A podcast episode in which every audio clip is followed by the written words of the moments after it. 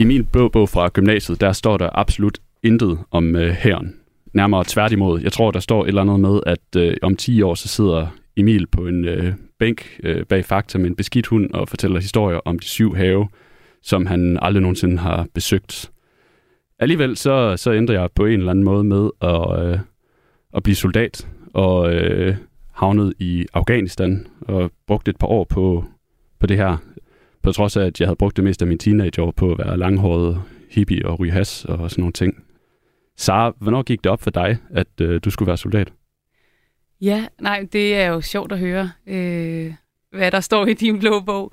Øh, jeg tror, at øh, for mig, der gik det op øh, for mig, at jeg gerne ville være soldat øh, i øh, eller det første møde, jeg ligesom havde, det var, da det var, jeg så øh, G.I. Jane i 1997 med øh, ja, den her seje kvinde her, øh, der barberer alt sit hår af og så videre. Øh, der var i hvert fald noget der, hvor jeg sådan tænkte, okay, det er spændende det der.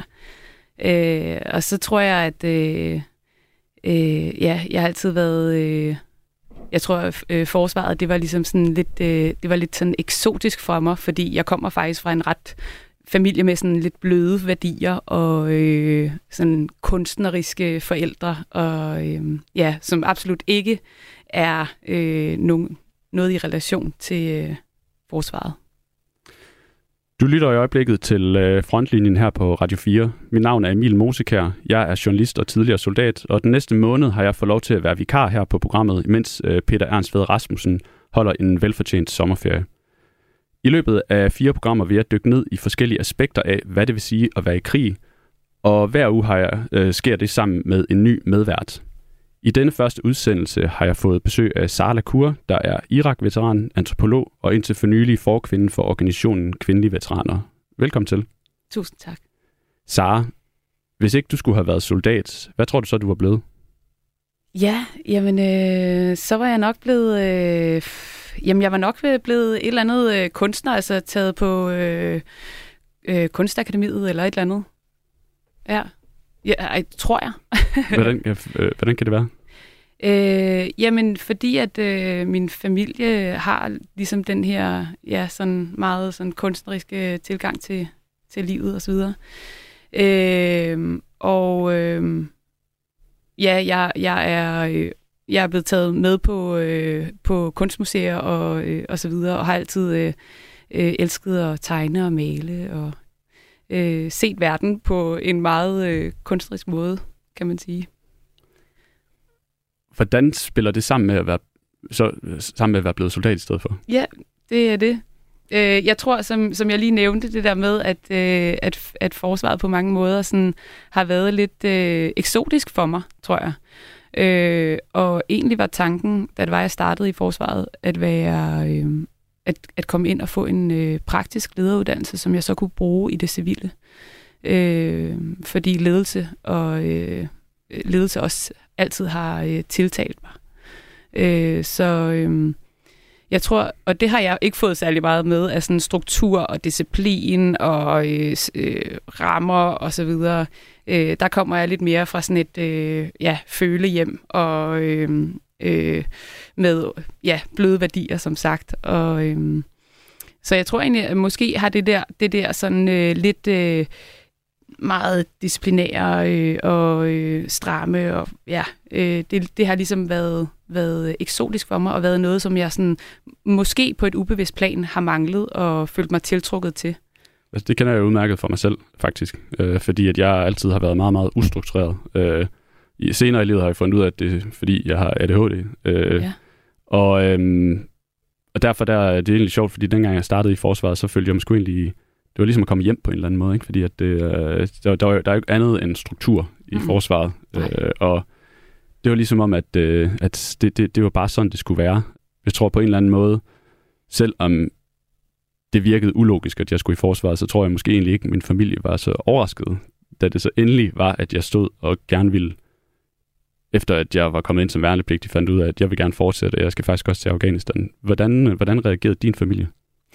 Min far, han var sådan lidt øh, imponeret, kan jeg huske. Var sådan lidt, nå, nå, okay, min datter, hun skal i forsvaret, øh, og øh, synes, det var meget spændende, men han var, han var, øh, han var også sådan lidt øh, øh, betvivlende omkring, om jeg, om jeg nu kunne klare det, og om, om det nu var mig, og sådan noget.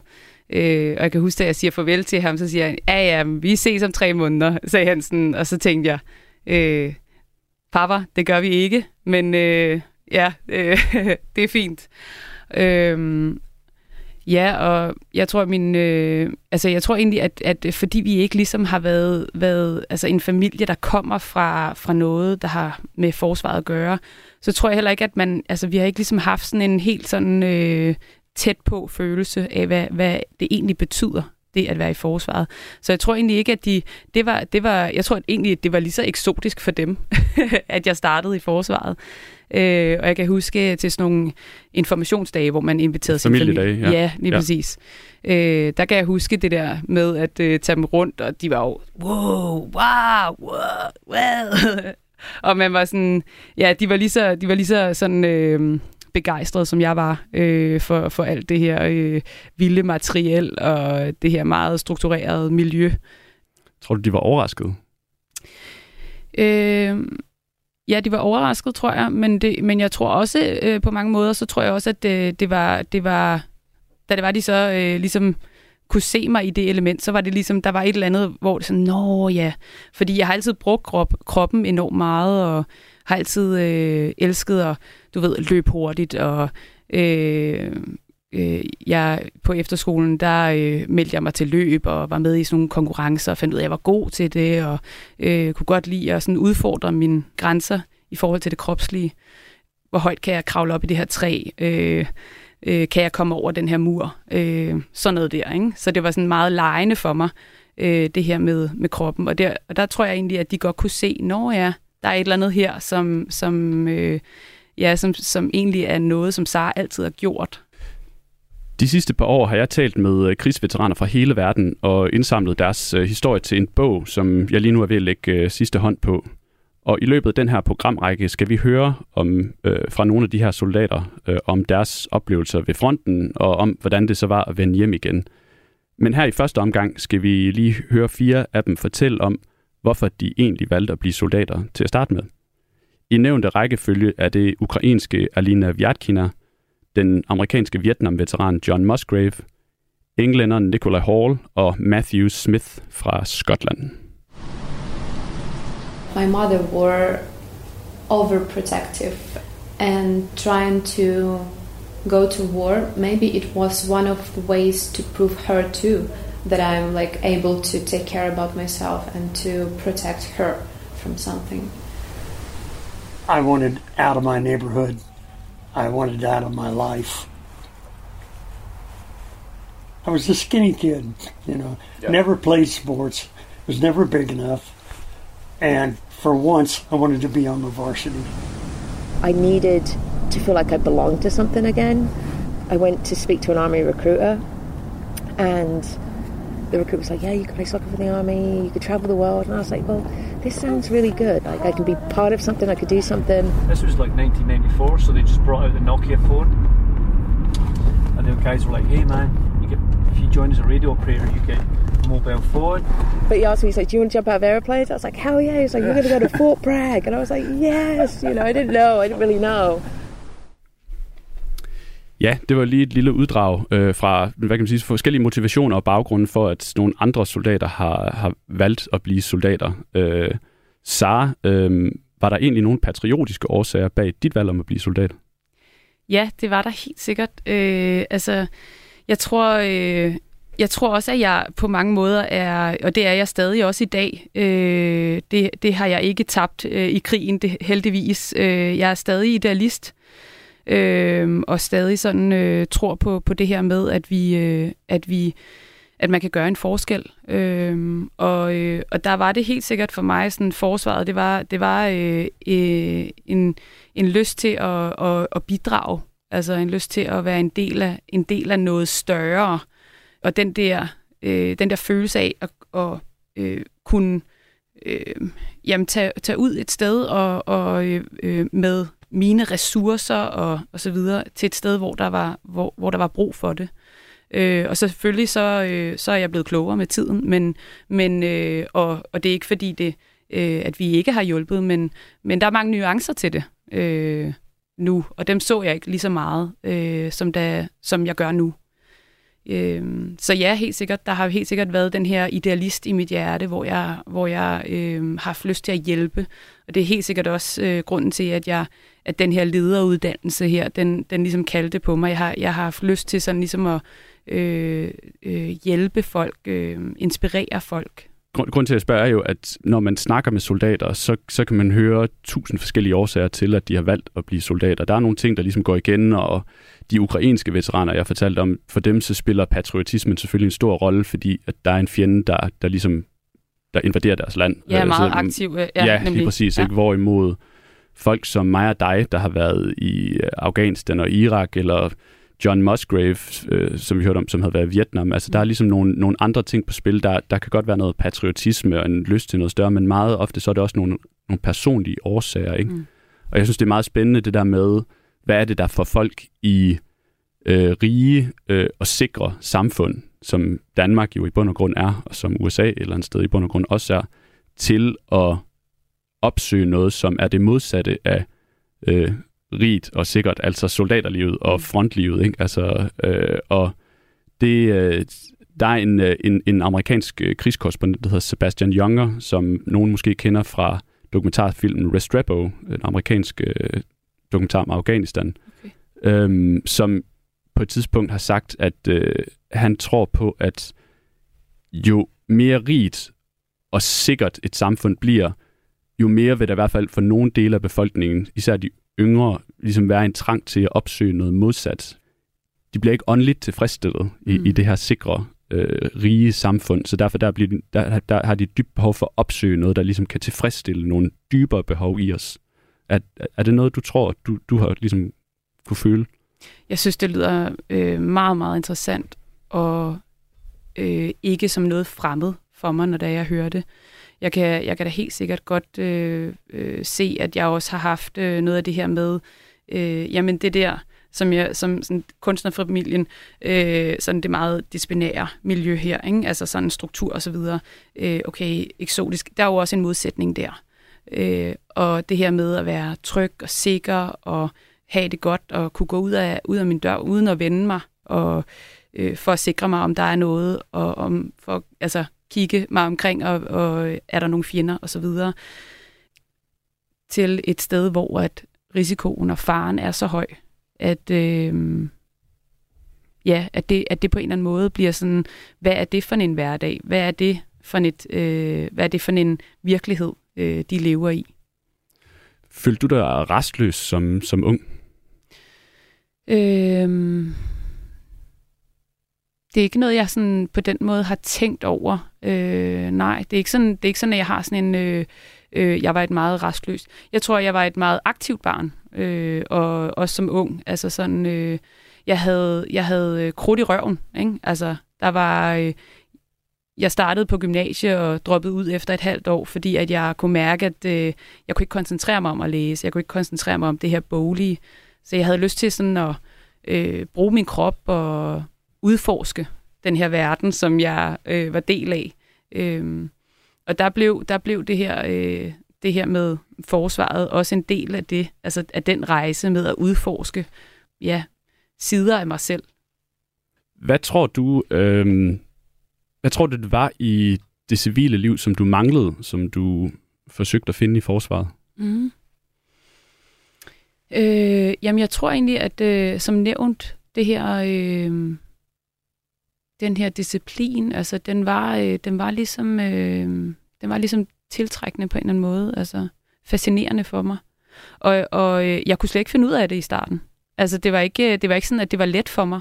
Jeg kan huske, at jeg fik masser af straffe øh, med at øh, skulle puste støvler øh, øh, igen og igen, og mit gevær og så videre, og øh, jeg kan huske, at jeg sådan, det var sådan ironisk for mig. Jeg kunne ikke lade være med at være sarkastisk, når det var, at øh, delingsfører og sergeanter, de, de øh, råbte af os der en halv meter fra os, og jeg var sådan, altså, hvad er det, hvad, hvorfor? Ikke? Altså sådan, jeg kunne ikke se logikken i det, øh, før at jeg, at jeg begyndte at, at forstå alvoren, og før den der alvor begyndte at komme ind under huden på mig, øh, som jo virkelig for alvor startede, da det var, at jeg kom i, i reaktionsstyrkeuddannelsen, hvor vi ligesom trænede for at imødegå den risiko, der var i Irak. Jeg, jeg begyndte virkelig at forstå det der med, okay, der er så god grund til, at jeg ved, hvor vi er henne på kortet. Der er så god grund til, at jeg ikke stiller spørgsmålstegn, når jeg får en ordre, øh, hvis vi stod ude på, på, øh, på marken. Øh, der er så god grund til, at jeg ved, hvilken vej mit, øh, mit gevær skal vende. Og øh, ja, altså, så, så det var først, da det var, jeg ligesom startede i den, i den uddannelse, hvor det blev mere målrettet, at jeg virkelig forstod sådan alvoren af, af øh, den her råben og, øh, og de her gentagende øh, øvelser og gentagende øh, træninger, hvor jeg i starten godt kunne være sådan lidt, Øh, også selvom jeg elskede det, for jeg elskede det. Altså, jeg kan huske den første grønne øvelse, vi havde, det var, det var altså, jeg, jeg, jeg var i, i himlen. Altså, det var virkelig sådan, jeg synes bare, det var lige mit element. Jeg elskede det.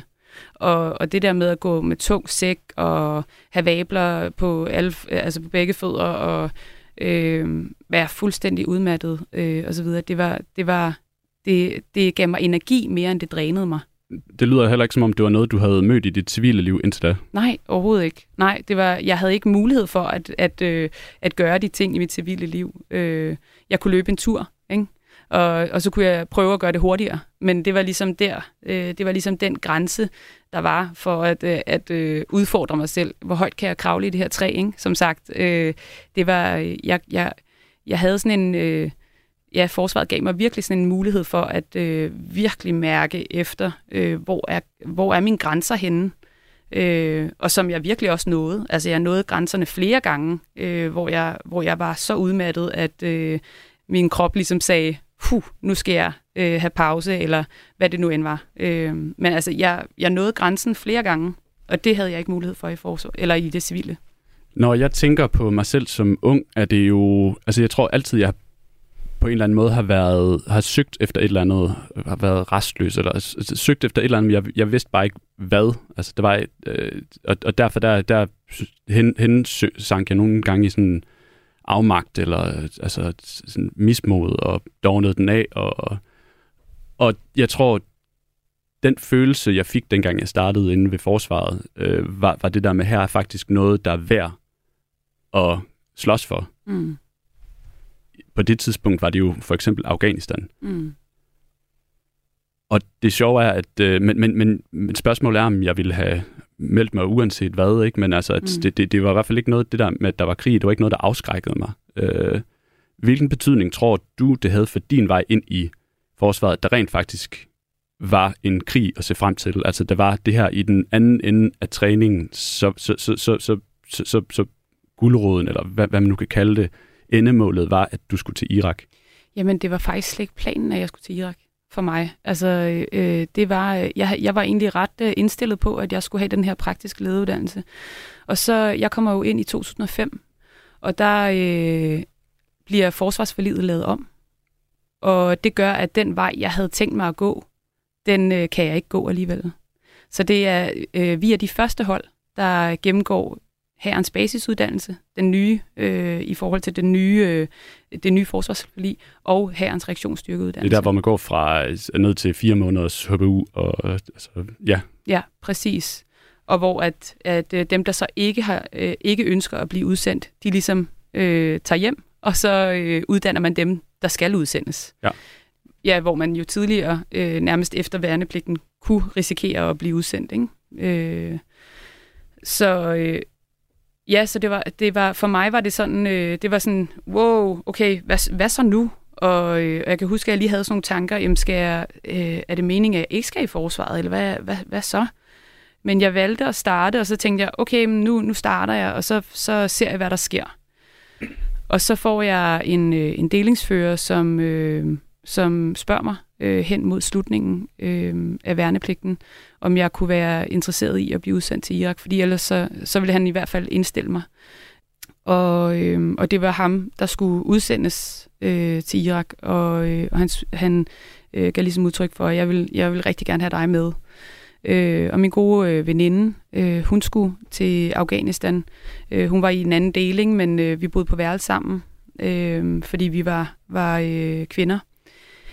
Og, og det der med, at hun skulle afsted, den der følelse, som vi også øh, lige snakkede kort om, før vi, vi begyndte den her fællesskabsfølelse, øh, som forsvaret jo virkelig også øh, er mester i at, at danne og give.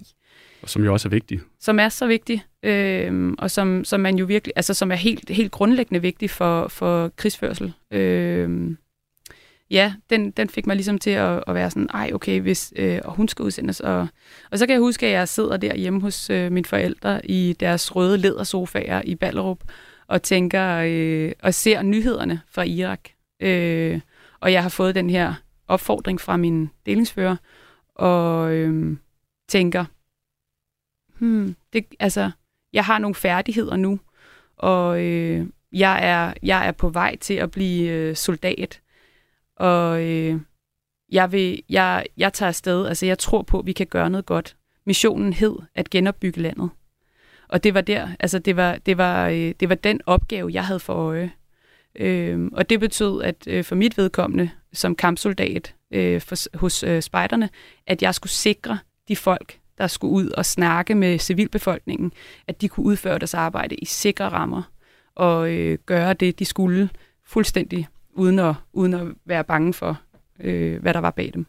Når, at, øh, når jeg hører dig sige det, så kommer jeg også til at tænke på min egen motivation, og dengang jeg skulle afsted, og når jeg fortalte folk, om det er jo, vi skal indføre demokrati i Afghanistan, og pigeskoler og øh, menneskerettigheder, men, men det jeg egentlig også kan huske, øh, både ved mig selv og mine kammerater, det var jo, at øh, det, var, det var jo også noget, vi fortalte folk ude, udenfor, og idealisme omkring sådan nogle ting spillede en større eller mindre rolle hos nogle forskellige, men for mange af os var mange af hovedårsagerne, det var jo faktisk eventyrlyst, og måske en søgen efter en eller anden sag, eller det, som du også beskriver, nu er man her, herinde og sammenholdet, og så, så, så bliver man ligesom reddet med af den her bølge her, ikke? Mm. Øh, fællesskabet havde en, en kæmpe betydning. Altså, og øh, ja, eventyrlysten også, i forhold til det der med at, at øh, øh prøve grænser af. Ja.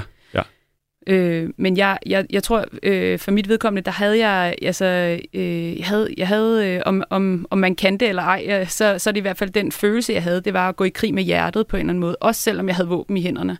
Øh, så, havde, så var det en, en øh, lyst til at, at, at gøre noget godt øh, og forsøge at hjælpe. Og nu havde jeg de her færdigheder, og øh, dem vil jeg gerne bruge, ligesom øh, en, der har trænet til en, en fodboldkamp og så kommer han ud og spiller fodboldkampen. Og det føles rart. Det føles dejligt at få lov til at bruge sine færdigheder. Bruge de evner, man har oparbejdet. Og du sagde netop øh, før det der med, altså der er jo lavet undersøgelser omkring, at, at folk tager afsted øh, netop på grund af, af fællesskab og, og eventyrlyst.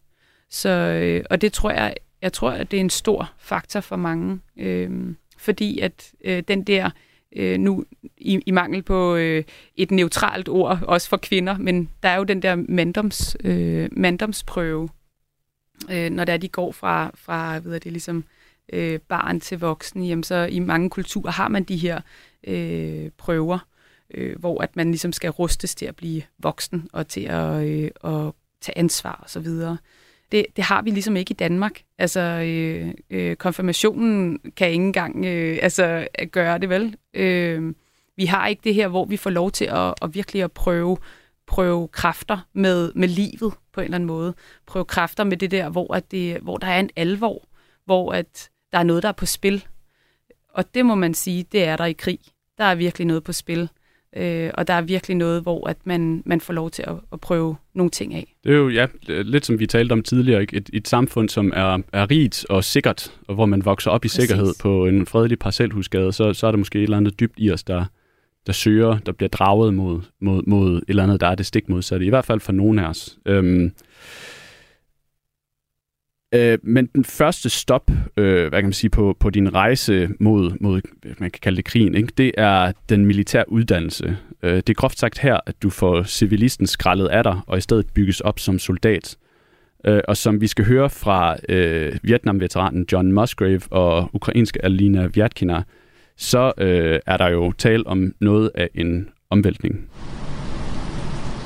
I was scared to death in boot camp until the very last night they read us our orders because I was afraid I'd been playing a musical instrument since I was seven. I didn't Oh, yeah. tell them, but I thought, oh God, don't put me in the band. I've already been in the fucking band, you know. And don't make me a cook, please, Jesus. Don't make me a clerk. I've just lied that I'm journalist and I need to write an article about them. So I've asked to stay at the position, Yeah. and they've allowed me. Their paramedic from the position went uh, home for holidays, and they need some help with their med- like medicine. So I've been training actually right under the shellings and right Yeah. during evacuations. Learning by doing. Yeah, exactly. All I wanted to be was an infantryman because I wanted to fight. I wanted, I wanted to be the tip of the bayonet. I, I was just so relieved when they read my orders. Row 300, which was infantry, Westpac, which was Western Pacific, which was Vietnam. And he says, Well, you got your wish. Fucking Du lytter stadig til Frontlinjen på Radio 4. Mit navn er Emil Moskær. Overfor mig står Sara Lacour, der er Irak-veteran, antropolog og indtil for nylig forkvinde for organisationen Kvindelige Veteraner.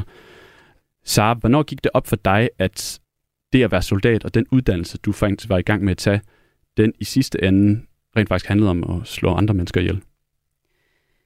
Jeg tror, jeg havde øh, en oplevelse i øh, herrens reaktionsstyrkeuddannelse, hvor det virkelig sådan gik op for mig, at det var at det her det var øh, det kunne potentielt ske, at jeg skulle stå og øh, vurdere en situation og øh, skyde et andet menneske. Og, og jeg, jeg var i tvivl om, jeg kunne gøre det. Altså, jeg var i tvivl om, om, om jeg egentlig var øh, i stand til at tage et andet menneskes liv. Øh, for det, det har helt sikkert ikke været det, der har været motivationen for at gå i krig. Det har været det, der ligger i ordet forsvar. Ja, at forsvare os. Øh, men ikke øh, på den måde at, øh, at angribe og slå ihjel.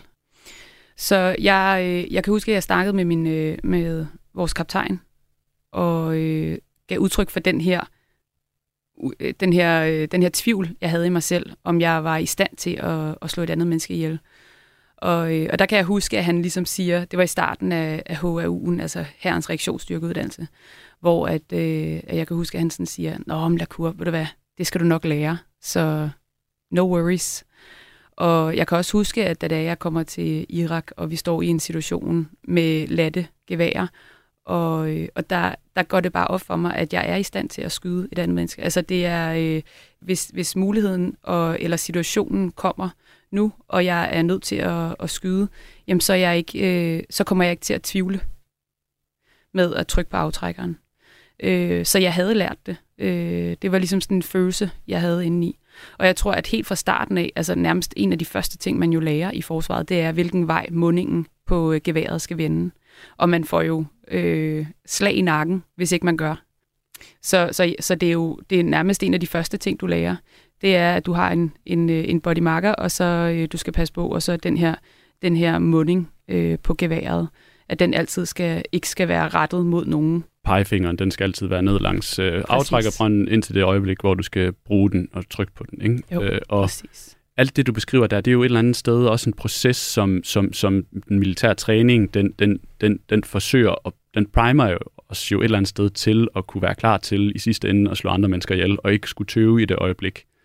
Og jeg kan huske, at jeg læste på et tidspunkt, at øh, den amerikanske her havde lavet en undersøgelse, der viste, at overraskende mange soldater under 2. verdenskrig, de havde de enten ikke, de med vilje ikke havde affyret deres gevær, eller bevidst skudt ved siden af.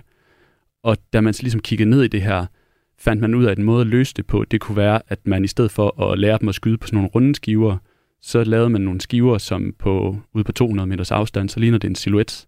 Og hvis du kan huske tilbage på, når du lå på skydebanen, øh, de der, jeg kan ikke huske, hvad navnet var på de der skiver, men som, som, som i hvert fald, når man ligger der på afstand, så er det jo rigtigt nok, så ligner det en silhuet. Mm. Og når du har skudt nok gange på sådan en, og også har gjort det pulsskydning og alt muligt andet, ikke? hvor adrenalin kører pulsen op, det er jo klart, at det, det, det forsøger at, ligesom at sige, okay, fint nok, i den her situation, for eksempel den, du beskriver nede i Irak, eller jeg kan huske, altså, altså i Afghanistan, hvis at man lige pludselig, og overlydsknaldene lyder, man smider sig ned, ikke? så skal man jo bare kunne være klar til at reagere. Ikke? Det er militær uddannelse, som, som, som skralder civilisten er der, Mm. og så bygger den soldaten op i stedet for. Præcis. Og jeg kan huske, at jeg lavede sådan en for at lære det, for at komme altså, igennem den her proces her, så lavede jeg sådan en om, omvendt psykologi for mig selv, at hvis ikke jeg skyder, så kan det være, at han skyder mig, og så skyder han nogle af, af øh, mine kollegaer og kammerater. Det var, det, var, det var det, der ligesom var motivationen, når det var, vi sad, var på øh, ved at det, øhm, skydetræninger her, at du, du skal skyde den her skydeskive, der ligner en silhuet af et menneske. Øh, og jeg har læst også samme øh, undersøgelser, og en af de andre ting, som de også gjorde til den øh, øh, under, under det her, fordi de netop fandt ud af, det var jo også at afklæde det andet menneske. Altså, så det menneske, øh, der, der var fjenden, altså det er derfor, man kalder det fjenden, ikke? Man dehumaniserer øh, modstanderen, så, man ikke, så det ikke er et, øh, et menneske, som man kan spejle sig i på den måde. Man kalder det fjenden, men man frelægger det ligesom det her menneskelige, øh, som, som jo også gør, at det bliver nemmere. Og, øh, og du op, oparbejder ligesom sådan en, en ny moral, øh, Arthur Kleinman, en antropolog, han kalder det netop for det her med, med lokale moraler. Ja. Altså at man kan have øh, øh, forskellige moraler, alt efter hvilken, hvilken kontekst du er i. Og det er jo også det, der er så svært ved det at komme hjem også igen. Altså, og, øh, og at gå fra civil til militær, og også fra militær til civil. At, øh, at den her øh, moral, som du har i den ene kontekst, jamen, du må ikke skyde andre mennesker her i Danmark. Øh, det bliver du straffet for. Og i Danmark, der må du gerne. Der er det en del af din jobbeskrivelse. I, i herren? Ja, lige ja. præcis. Øh, ja, sagde, hvad sagde jeg? Du sagde i Danmark. Ja, okay. I Irak, altså, øh, når ja. du er i krig, ikke? Ja. den moral, den kontekst, jamen, der er der må du gerne, der er det en del af din jobbeskrivelse. Det forventes faktisk af dig. Det forventes af dig, ja. at øh, hvis det er, at du står i den situation, og det er nødvendigt, jamen så forventes det, at du trykker på den aftrækker, og er i stand til at kunne vurdere den situation. Og det er svært at operere som menneske med sådan nogle øh, to så vidt forskellige moraler. Det er jo et interessant spørgsmål, hele det her, jamen altså, hvor, hvor, hvor villige er mennesker egentlig til at, at slå ihjel? Der er jo nogle undersøgelser, der peger i forskellige retninger. Den der undersøgelse med 2. verdenskrig, med at de skyder forkert, måske tyde på, at vi har en instinktiv modvilje mod at slå ihjel. På den anden side må man jo sige, at mennesket er et, et voldeligt dyr. Hvis vi kigger på historisk set, mennesker har jo altid slået hinanden ihjel mm. øh, på utrolig voldelige måder og øh, i store mængder. Ikke? Øh, så, så, så, så det er jo egentlig interessant, at, at den militære uddannelse, skal den forsøge at tvinge noget ind i, i os, som vi egentlig strider imod, eller skal den et eller andet sted bare tænde for noget, som altid har været til stede? Ja. ja, ja, helt sikkert. Ja, det er interessant. Det er et interessant spørgsmål, ja. Ja, og jeg tror, at øh, øh, jeg tror, at det, der ligger i instinktet, det er at beskytte det, vi har kær. Jeg tror, at det var under Første Verdenskrig, der fandt man ud af, hvor vigtigt fællesskabet var. Under Første Verdenskrig, der sendte man jo øh, folk ud, som ikke kendte hinanden. Det var bare forskellige, der havde fået øh, øh, den her uddannelse, som bare blev lagt ved siden af hinanden. Og det var først der, hvor man begyndte at op, øh, opbygge de her delinger og grupper og folk, der, der ligesom, hvor, hvor, man, øh, hvor folk var, var sammen i opløbet op til så det var din ven, du passede på. Det var ikke din kollega. Det var din, det var din kammerat. Det var din øh, militære familie. Ja. Øh, så, så jeg tror også, at, at øh, den, det, det instinkt, du snakker om, det er det der med at beskytte noget, du har kær. Og der tror jeg også, altså en hver mor, en hver far, tror jeg, vil øh, nikke genkendende til, at hvis der sker noget med deres barn, så er de villige til at dræbe. Altså, jeg tror, altså, jeg mener jo, at den, den, den stærkeste motivation, stort set, der findes i verden, det er øh, ønsket om at forsvare sit hjem og sin familie, og det er derfor, ukrainerne kæmper og så, så benhårdt over, i, i, altså over østpå lige nu. Øh, og det er måske også derfor, at soldater til alle tider har været villige til at gå så langt for hinanden, fordi man et eller andet sted skaber en, du kalder det, ja, en militær familie. Ikke? Altså, der er et eller andet tættere på spil, som, som, som bare gør, at man er villig til at gå rigtig langt fra hinanden. Og det er, det, den, det er jo det, den militære uddannelse skal forsøge på. Ikke? Den skal mm. forberede dig til noget, som så bliver smed, smedet videre på, ud på slagmarken. Præcis. Historisk set, så har, så har krigen jo i høj grad været mandens domæne, øh, og øh, skal man kigge rent hvad kan man sige, kvantitativt, så har der nok også været væsentligt flere soldater gennem tiden, end der har været mandlige soldater gennem tiden, end der har været kvindelige soldater. De har ligesom, men de har altid været der, Øh, og i dag vælger flere og flere kvinder også at blive soldater. Øh, øh, der men, men der er stadig tale om, man kan sige, man kan kalde det en særlig oplevelse, øh, der skiller sig ud fra, fra mandens oplevelse af at være soldat og være i krig. det skal vi nu høre øh, britiske Nicola Hall og ukrainske Alina Vyatkina fortælle lidt om. Uh, girls were not allowed to go on combat positions in that time in Ukraine. And I've called to a few different battalions, like volunteer battalions, army uh, battalions, and I've asked if I can join them, mm. and all of them told no. Yeah. because you're a 19 years old girl and like what will you do here? And no we don't need you. I want to prove to you that women deserve to be here and can yeah. do this yeah. and can run as fast can lift as much. We are we are just as valuable here. Sometimes i've tried to be like more masculine. Sometimes i've tried to be misogynic and for example i laugh with other men about like from jokes about other women the locker room talk, you know, you do become immune to it. And now, as a as a forty-one year old woman looking back, there was lots of things I wouldn't let fly, you know. But as a kid, yeah. yeah. you're all kind of in the suck of it together. We had no bullets enough and grenades as a volunteer unit, and sometimes I was like just talking with other guys and saying, "Oh, guys, I'm really sorry, but we need bullets. Can you please give us a pack of?" And they were giving it to me. Yeah. Just because I'm a woman. Yeah. So it has its own pluses. Yeah. But you have to pay for these pluses as yeah. well. Ja, og her hørte vi jo så som sagt fra øh, britiske Nicola Hall og ukrainske Alina Vyatkina. Øh, Nicola, Nick Hall, øh, hun, hun, hun er englænder, men immigreret til USA og meldte sig til den amerikanske her og var i øh, Afghanistan i starten af krigen dernede, og var ene kvinde tilknyttet forskellige kamp- og specialstyrkeenheder, fordi de fandt ud af, at de skulle bruge nogen til at visitere øh, kvindelige civile. Øh, og Alina Vyatkina, hun, øh, hun var sygehjælper i Donbass øh, i 2014 og 15 i, øh, i otte måneder, så vidt jeg husker, øh, og havde større hyre med at komme derud, fordi de ikke lige kunne se, hvad de skulle bruge en 19-årig pige til. Men da hun så endelig var der, havde de jo brug for hende, fordi de manglede sygehjælpere. Jeg så, at du sad og, og, og nikkede et par gange undervejs her, men først øh, så vil jeg lige spørge dig om, fordi jeg havde på et tidspunkt en kollega, som plejede at sige, at øh, han mente ikke, at øh, kvinder de hører til i infanteriet. Er det en holdning, som du øh, også er stødt på i løbet af din tid i forsvaret? Ja, øh, op til flere gange. Øh, det har været det har været en altså da jeg, da jeg startede i forsvaret. Det var først der, jeg egentlig blev bevidst om, at øh, gud, jeg er kvinde. Altså, øh, øh, eller der er holdninger til det at være kvinde. Øh, jeg, har, jeg har altid øh, ja, leget lege med mine brødre og, øh, og søstre på lige fod. Altså sådan, det, det har ligesom ikke været øh, et issue. Så det at, at starte i militæret, det var, det var, jeg blev min kvindelighed meget, meget bevidst, fordi den hele tiden blev påpeget. Og øh, den blev påpeget øh, på en negativ måde. Øh, det at være kvinde, det var lige med at være svag. Der var alle mulige øgenavne, der, der, der blev knyttet til det kvindelige køn. Hvad for eksempel?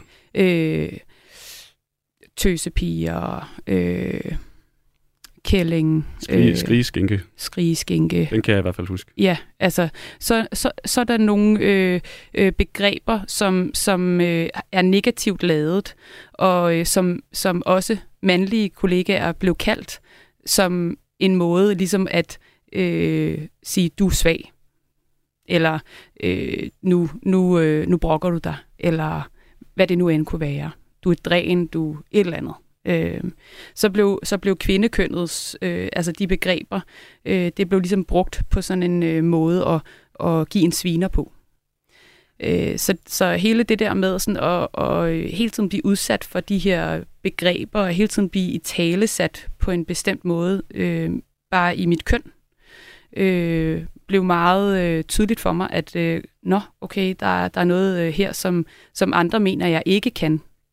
Øh, og jeg kan huske, at jeg startede i forsvaret, netop fordi jeg ikke kom fra en forsvarsbaggrund, og derfor heller ikke havde hørt om, om alle de muligheder, der var i forsvaret, der begyndte drømmene at komme, fordi jeg elskede det grønne. Ikke? Øh, og jeg har altid været øh, en anden film, der, der gjorde stort indtryk på mig. Det var syv år i Tibet, og den var også i 1997. Øh, og den her eventyr. Øh, og den der, øh, jeg kan huske, at øh, Sirius-patruljen begyndte at tiltale mig, for den hørte jeg om inde i forsvaret, og øh, alle de der sådan øh, kurser, man kunne tage, øh, som, men, som, men som jeg, jo mere jeg sådan spurgte ind til det, øh, fik jeg at vide, det kan du ikke, for du er en kvinde. Øh, du skal ikke engang prøve. Øh, så der var ikke nogen, der var ikke nogen, der var ikke nogen, der hæppede øh, på, at, at, øh, at jeg overhovedet skulle prøve at gå den vej. Det var ligesom, ikke engang troede på, at du kunne? Nej, præcis. Altså det, jamen det er der aldrig nogen kvinder, der har gjort, så, så, øh, så jeg, tror, jeg tror ikke, at, at du skal gøre det. Øh, altså det var ligesom, det var hele tiden den der samtale om omkring, jamen det, det, det kan du ikke. Der var, der var ikke engang, der var ikke engang en sådan en nysgerrighed omkring sådan, øh, øh, ja, spændende, øh, men så tror jeg, så, så skal du nok, øh, øh, så vil jeg begynde at, at træne øh, det her, eller så vil jeg prøve at opsøge viden her, eller, altså det var ligesom bare på forhånd. Det kan kvinder ikke. Ham, min kollega, han, han plejede jo at følge, hans argument for, at han ikke mente, at kvinder hørte til i infanteriet, det var, at han, han, han plejede at pege på sig selv, han var en stor gut, og så sagde han, hvis jeg bliver såret, hvordan skal hun så kunne nødflytte mig? Altså, mm. jeg gider ikke dø på slagmarken, fordi vi skal have mere ligestilling i forsvaret. Mm. Er der ikke en pointe med, at kvinder og mænd er jo bygget fysisk anderledes, og at soldaterfaget er indrettet til mænd, og at man det at så sige, okay, så skal vi også tage hensyn til kvinderne, at det måske kan koste liv, eller i hvert fald have nogle konsekvenser på lavmarken. Jo, men så, så vil jeg også have ham til at betvivle øh, mindre øh, mænd med mindre fysik. De små fyre. Ja, ja. Øh, øh, deres evne øh, og, og øh, til at kunne, kunne trække ham øh, ud. Og øh, jeg, jeg forsøgte bare at, at træne øh, så godt jeg kunne herhjemmefra, øh, og øh, udfordrede den tungeste i delingen til at komme op på skuldrene af mig, og prøvede ligesom at altså, træne på lige vilkår som, som, øh, som mine mandlige kollegaer, og forsøgte ligesom at måle mig med gennemsnittet. Og gennemsnittet, det, det klarede jeg fint. Altså, uden, uden, øh, uden nogen notis. Altså. Øh, men, men fordi at jeg var kvinde, øh, så øh, hun siger også i indslaget her, øh, I wanted to prove. Ikke? Altså, og, det, og det er et, øh, et begreb, jeg hører igen og igen fra, fra kvinder. Jeg vil gerne bevise, at jeg kan. Hvor at... Øh, for... Altså, den, den har jeg også hørt at stort set alle kvindelige veteraner, jeg nogensinde har interviewet, uanset hvad land de er fra. Ja. De har sagt det samme, at de føler, de har følt fra starten af, at de skulle bevise mere, mm. end, end, end mændene de skulle, fordi der blev, der blev holdt øje med, om de fejlede. Hvor bliver... at, øh, mænd, mændene de kunne lige jogge i spinaten flere gange, uden at der skete noget, hvor mod kvinderne, hvis at, at hvis at de gjorde det bare én gang, så, så blev der med det samme slået ned på det. Er det også noget, du har følt? Konstant vurdering af, min, af mine færdigheder og mine evner, og øh, det, jeg siger og gør.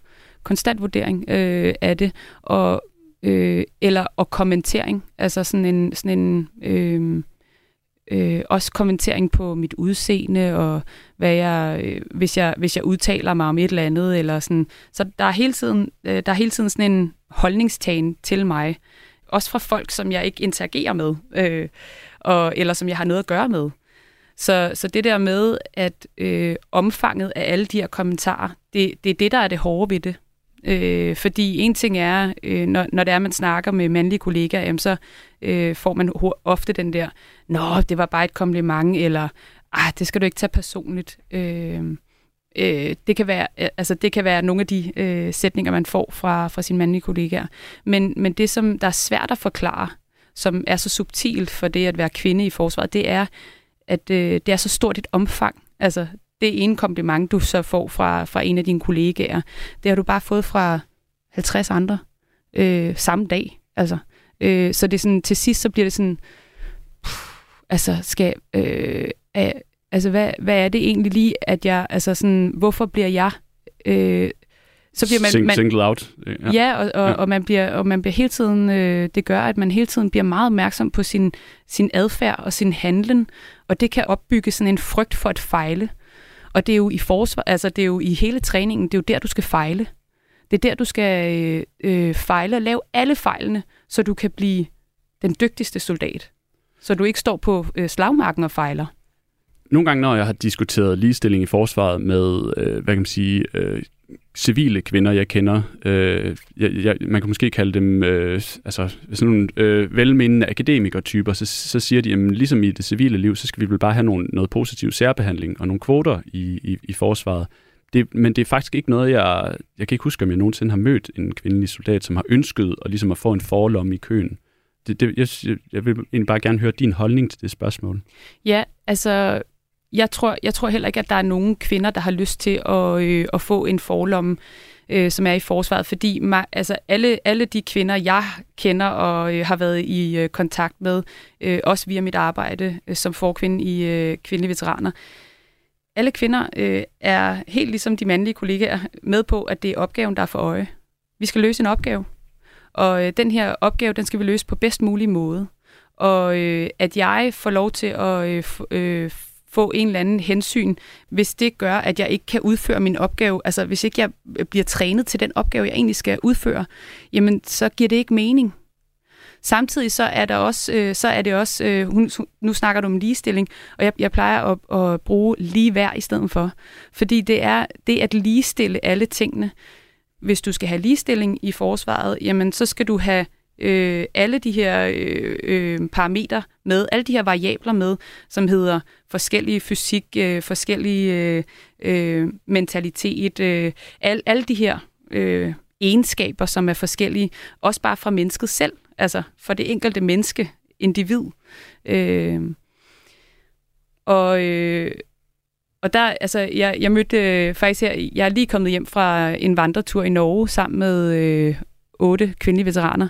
Og der siger en af kvinderne, hun er, øh, hun er ikke særlig høj, og, øh, men øh, er en dygtig femkamper, og øh, øh, har gennemført den her, øh, der, hvis, hvis folk, folk, der har været i forsvaret, kender til den irske bænk, og det er en øh, to meter høj øh, bænk, øh, som man skal over. Øh, og hun, hun kan sagtens komme over den. Hun er 1,55, ikke?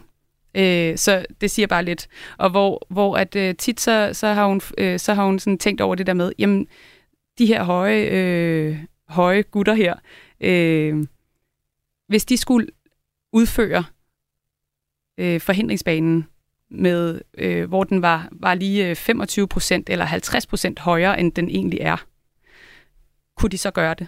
Øh, kunne de så klare den? Altså det er det, det, er det måleforhold, man lige skal have i, i, i, i baghovedet, at øh, når ham, den, den to meter høje mand, han siger, jamen ved du hvad, du kan få kræfter som ingen anden, og når du, øh, når, du, øh, når du har nogle udfordringer i forhold til din fysik, så bliver du kreativ. Du bliver kreativ, du, øh, du øh, finder på alternative måder at løse opgaven på, fordi du er godt klar over, hvad det er, at der er din last, eller hvad der er din force. Så det, det, øh, det kommer bare til at blive skærpet endnu mere. Her til sidst, så vil jeg godt øh, lige hurtigt nå at vende, øh, hvad kan man sige, identiteten som veteran, når man kommer hjem, fordi øh, der var der, der, der er flere af de kvindelige veteraner, jeg har talt med, som også siger det her med, jamen altså, jeg kan ikke bære min identitet som veteran på den samme måde, øh, at, øh, og jeg tror, jo, vi skal lige høre fra Alina her, øh, Alina Vjatkina fra Ukraine, som, som fortæller om, hvordan det rent øh, konkret kan, kan komme til udtryk. Being veteran and being especially female veteran, it's not really safe here, at least. And it's not really honorable. when I've come back, it was the one, I'd say, time when I wore a uniform after war. Yeah. Uh, it was for parade. And uh, people were screaming that who you are, what did you do, like why went you to war, or okay, you girl, why you lying that you were at war, all that stuff. And yeah. after that situation, I believe that I've never like wore uniform anymore.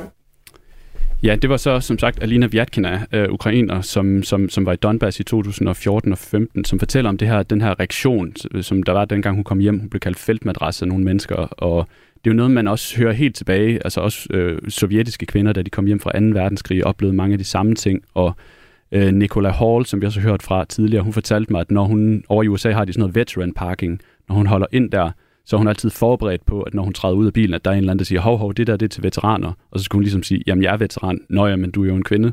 Øh, og ja, tiden den løber her, men jeg synes, at det, det er alligevel et vigtigt emne at runde her til sidst. Hvad, hvad, hvad tænker du, når du hører det der?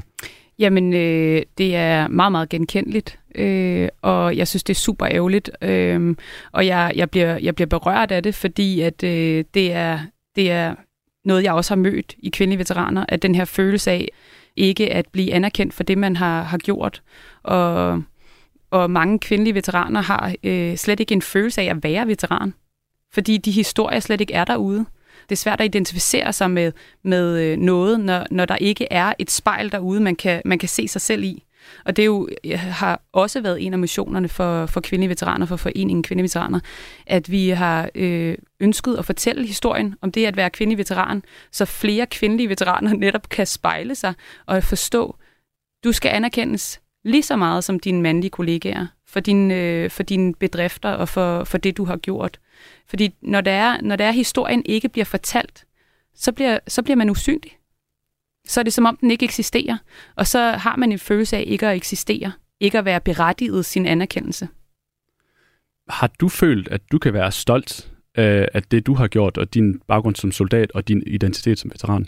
Ja, det, det er kommet til mig. Altså for mig har det været øh, enormt stærkt at øh, høre alle de her kvindelige veteraners øh, historie, for det har været, de har været lige så meget spejl for mig, øh, og lige så stor øh, en, en følelse af sådan, wow, okay, jeg kan genkende mig selv i de her historier. Og jeg, når jeg hører øh, de her to kvindelige øh, veteraner, jamen jeg, jeg, jeg, jeg mærker sådan en, en øh, spejling, altså, og, øh, og forstår fuldstændig, hvad det er, de siger øh, og kan genkende alle de der følelser, der må gå igennem dem, og øh, følelser også af vrede og, øh, og afmægtighed, og den her frustration over sådan, hallo, jeg, jeg, har, jeg har været ude og, øh, og gøre det her for mit land, øh, og øh, jeg, har, jeg har stået øh, og sørget for at løse en opgave. Altså, hvad, hvad, er det, der, hvad er det, der foregår? Hvad er det, der gør, at jeg ikke kan, at jeg ikke kan få samme øh, behandling? Øh, så ja, Øh, jeg ved ikke, om jeg svarede på spørgsmålet. Jo, jo, jo, ja. jo det gør du. Og det, jeg, jeg, jeg synes set, og det er, jo, det er jo noget af det samme, som jeg også hørte fra, fra, fra, fra de her, altså Nick Hall, som jo brugt månedsvis på at flyve rundt i helikopter på kampmissioner med, med, med, med spe, specialstyrkeenheder, ikke? Altså, som hun siger, altså hun skulle, de skulle lige se hinanden, men da de fandt ud af, at hun godt kunne bære sin egen rygsæk, og øh, holde hovedet koldt under en ildkamp, så bliver hun lukket ind i fællesskabet, og så, så, så, så, ligesom, så kommer hun hjem, og så er der folk, der forsøger at sige, hvad har du egentlig lavet? Ikke? Så, hvor hun siger, jeg, jeg har sgu været ude, hvor det var hårdest, og det vil jeg sådan set ikke rigtig finde mig i at få taget fra mig. Ja, og uanset om det har været hårdt eller ej, Altså, så, ja, ja, så, ja. Øh, så, øh, så jeg tror også, at det er vigtigt at, at, at forstå, at når det er, du tager på mission, jamen, så er øh, øh, det er en fælles opgave, og for at løse den fælles opgave, jamen, så er der, der er vi det er nødvendigt, at vi har en, der sørger for, at vi har vores materiel. Det er nødvendigt, at vi sørger for, at der er en, der sidder og modtager radiosignaler. Det er nødvendigt, at der er en, der sørger for at øh, skrive rapport og, øh, og lære af de her erfaringer. Altså, så, så det er alle, alle øh, der øh, har været udsendt, de bør anerkendes. For uanset om de har været i, i øh, fronten eller ej. Det er det. Vi kan godt øh, herhjemme gå og drille hinanden enhederne imellem, men når det kommer til stykket, så når vi, vi rammer missionsområdet, så er vi sådan set alle sammen soldater, der har en, en opgave at, at løse. Ja. Sara Kur, Irak-veteran, antropolog og indtil for nylig forkvinde for organisationen Kvindelige Veteraner. Tak for at tage dig tid til at komme herind. Tak fordi, at øh, jeg måtte komme. Du har lyttet til Frontlinjen på Radio 4. Mit navn er Emil øh, Mosekær, og fik du ikke øh, hørt med fra starten af, så finder du hele dagens program i Radio 4's app eller i Apples podcast player. I næste uge så får jeg besøg af tidligere kampsoldat Jimmy Solgaard her i Frontlinjen. Vi skal snakke lidt om livet ved fronten, hvordan det er at være i ildkamp, og det tabu, der eksisterer omkring, at det faktisk også kan være ret fedt nogle gange. Vi, øh, vi lyttes ved.